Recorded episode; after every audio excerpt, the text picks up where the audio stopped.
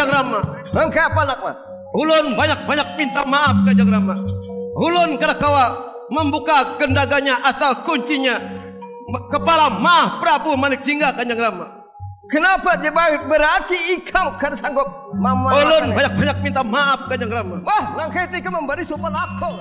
Seni tradisional Banjar adalah unsur kesenian yang menjadi bagian kehidupan masyarakatnya. Tradisi adalah aksi dan tingkah laku yang keluar alamiah karena kebutuhan dari nenek moyang terdahulu. Masyarakat Banjar telah mengenal berbagai jenis dan bentuk kesenian baik seni klasik, seni rakyat, maupun seni religius. Kesenian yang menjadi milik masyarakat Banjar seperti Damar Wulan. Nerjang ke negara Belambangan Pura. Damar Wulan, awas jika aku akan balas Cerita Damar Wulan memang mirip kisah kesatria Damar Wulan di tanah Jawa. Namun kesenian tradisional Banjar ini dinamakan Damar Wulan karena dulu ketika pementasan hanya diterangi kayu damar dan cahaya bulan.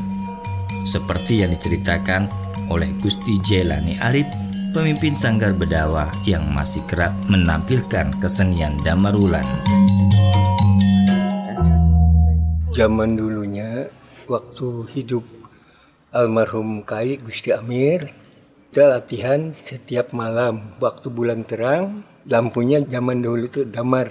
Jadi setelah latihan selesai, jadi berunding apa dengarani kesenian kita ini.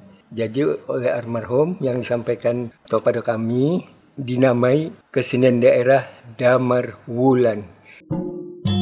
Kesenian Damar Wulan diperkenalkan pertama kali oleh kakek Gusti Jailani Arif, yaitu Gusti Amir, seorang seniman tradisional tahun 1800-an tahun yang kupimpin tahun 80 setelah meninggalnya Gusti Husin tahun 50 almarhum Gusti Amir Kai itu sekitar tahun 1800-an ke atas.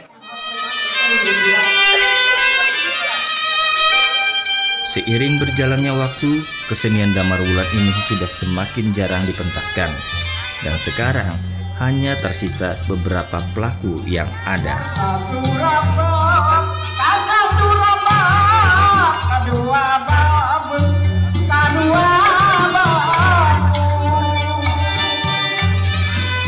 Segi musik, perbedaan kesenian Damarulan di Jawa dan Damarulan di Banjar sangat mencolok.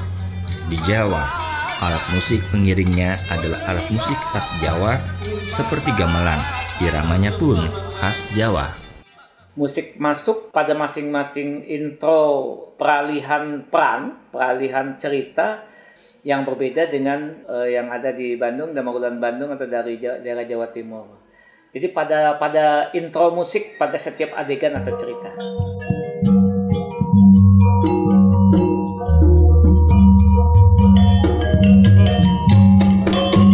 Dalam mementaskan Damar Wulan, pemain yang ditampilkan lumayan banyak.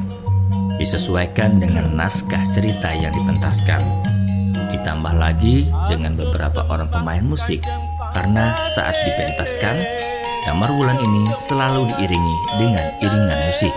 Telanjur purun dewa melakonakan Ya wan Ya wan Telanjur purun dewa melakonakan Busana yang dikenakan untuk pementasan adalah busana khusus yang didesain layaknya pakaian zaman kerajaan, lengkap dengan hiasan penutup kepala seperti mahkota atau yang disebut ketopong.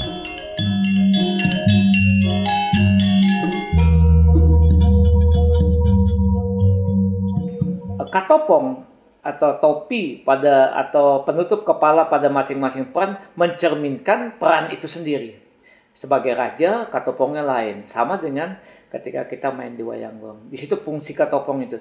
Jadi tidak bisa didustakan bahwa setiap orang main damarulan dia harus memahami katopong yang dia pakai. Bukan sekedar tutup kepala. Silahkan kan aku permisi meninggalkan negeri Majapahit menuju ke negeri sebelah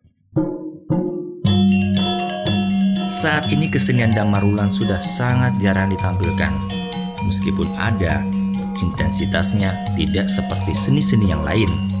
Padahal kesenian ini sudah sangat langka dan terancam punah. Antara klasikitas Damarulan itu sebagai pertunjukan dengan keinginan, kemauan dari masyarakat penonton. Itu yang pertama. Yang kedua, jembatan yang mampu menyambung gap ini sementara ini sangat sulit sekali. Tidak ada kepedulian lembaga-lembaga kita. Kita bisa lihatlah Damarulan di Banjarmasin aja hanya satu kali satu tahun. Di Matapura satu kali satu tahun. Dan kita yakin satu kali satu tahun itu tidak semua komunitas Damarulan bisa kita rangkul. Sebagai warisan budaya yang harus tetap ada, Damarulan tidak sebatas sebagai seni pementasan dan hiburan saja.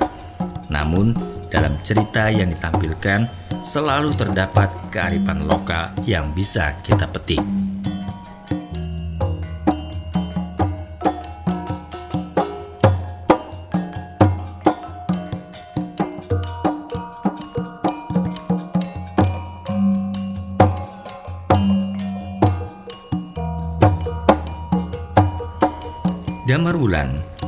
Adalah bagian kecil kekayaan seni budaya yang ada di Kalimantan Selatan.